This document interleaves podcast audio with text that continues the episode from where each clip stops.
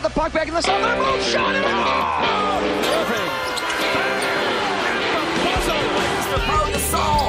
Look, You want to go? Let's go then. Coming in. Dives and he makes the catch. Locker Room, Ruth.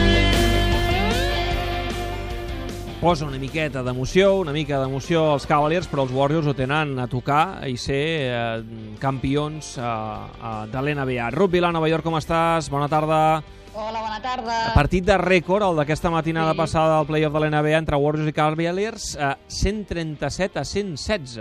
Sí, sí, espectacular, amb 49 punts dels Cavaliers al primer quart, 86 al descans, és a dir, que xifres de rècord, tot i que hem de recordar que el, que el, el segon partit dels Warriors també van superar els 130 punts, és a dir, que estem eh, veient una final amb, amb molts punts, però vaja, el d'aquesta matinada ha estat un partit, eh, com deies, de rècord perquè fa l'anotació, el tema dels triples de, de els Warriors, increïble, eh, eh, de Cleveland, volia dir increïble, amb Irving fent 40 punts, amb 7 triples, LeBron James també ha estat bé, amb 31 punts, 10 rebot, 10 assis 11 assistències, i a més a més un partit intens, hem vist tècniques, l'ambient altejat a Cleveland, i per l'altra banda els Warriors, on tothom ha destacat molt el mal inici de partit de Curry, eh, eh, aquí costa eh, criticar Curry, eh, però vaja, després del partit a mateix l'hem vist empipat i només eh, insistia en que volia pa passar pàgina i pensar ja en el pròxim partit de la sèrie. It's one of those games. I mean, not going to overreact to one. It's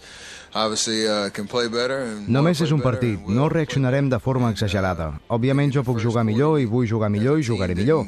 You know, we're able to establish ourselves with. Uh, I crec que en el primer quart no hem jugat bé, no hem estat capaços d'imposar-nos.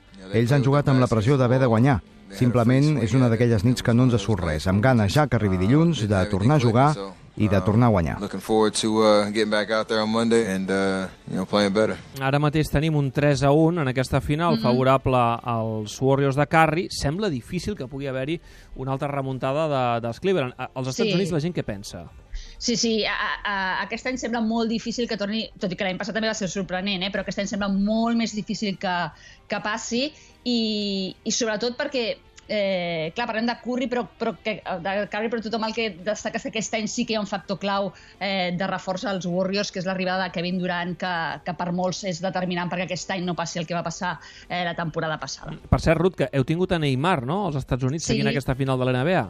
Sí, sí, sí, el vam veure a, al costat del seu amic Lewis Hamilton en el segon partit d'aquest playoff i també l'hem vist a la tele, l'hem vist al show de Jimmy Kimmel, eh, de l'ABC, que és un d'aquests night shows famosos, amb, amb el que és també molt famós habitual presentador de les últimes gales dels Oscars.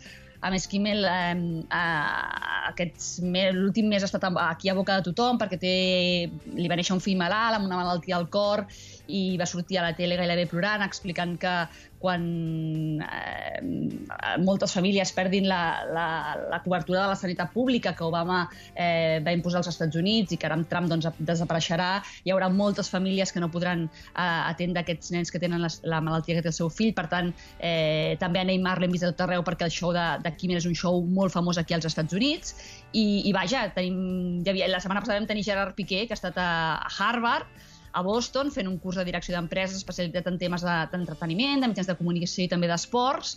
És un curs que és molt popular, que dona també una professora que és gairebé una celebrity. Això eh, aquí a Catalunya no sol passar, no? que els professors universitaris són celebrities. Aquí als Estats Units sí que passa. Anita Elverse és, és, és una professora molt famosa aquí als Estats Units d'aquests temes de màrqueting, d'entreteniment, de- d'esports.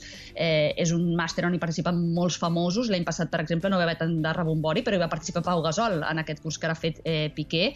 I també hem vist aquest any que hi havia jugadors de la- l'NBA, que hi havia eh, la Kate Holmes, que em sembla que es diu que és actriu, i, i Anita Elverse, com deies, com una celebrity acadèmica, eh, és reconegudíssima aquí en el seu sector, és l'autora d'aquell estudi que el Barça tant va publicitar fa un parell d'anys, que explicava el model d'èxit del Barça i que es va parlar molt, no? Harvard parla del model d'èxit del Barça, doncs era un estudi d'aquesta professora que estudia casos concrets d'èxit relacionats amb el món de l'esport, de la música, de l'espectacle, que quan va fer aquest estudi del Barça també va convidar eh, Josep Maria Bartomeu a participar eh, en aquests cursos que ja fa a Harvard, ho va fer amb una conferència a través de, de les xarxes, d'internet, amb una videoconferència, i, i els alumnes van poder preguntar al president del Barça sobre quines eren les claus de, de l'èxit del Barça. Mm, Ara estava mirant calendari, el cinquè partit de NBA Sí? és demà a la Dilluns. matinada, no? La Sí. matinada de dilluns a dimarts. Sí, eh? La sí, matinada sí. de dilluns a De dimarts, de que es dilluns, juguen de sí. nou a San Francisco Oakland, eh? To tornen, sí, perquè han fet Golden ja... State serà- Cleveland a les clar, 3 de la matinada hora catalana.